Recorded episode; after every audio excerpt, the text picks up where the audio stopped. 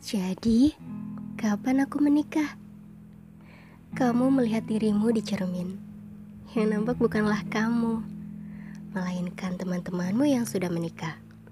Dan bisikan itu mulai menatapmu. Andai saja aku lebih tinggi 10 cm lagi. Andai saja aku secantik teman-temanku. Andai saja aku berasal dari keluarga terpandang. Pasti aku bakal lebih mudah ketemu jodoh. Begitu betah kamu berteman dengan kata-kata andai.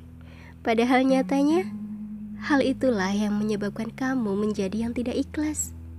Hingga hatimu menjadi berat, penuh beban, dan merasa bersalah. Janganlah lagi mengandai-andaikan sesuatu yang tidak kamu miliki. Sesuatu yang itu bukanlah takdirmu. Menerima takdir adalah satu hal yang harus bagi seorang muslim. Qadarullah wa masya'a fa'ala. Allah telah mentakdirkan terserah apa yang diputuskannya. Karena perkataan seandainya dapat membuka pintu celah perbuatan syaitan. Hadis riwayat Muslim. Karenanya, lebih sayangilah lagi dirimu sendiri.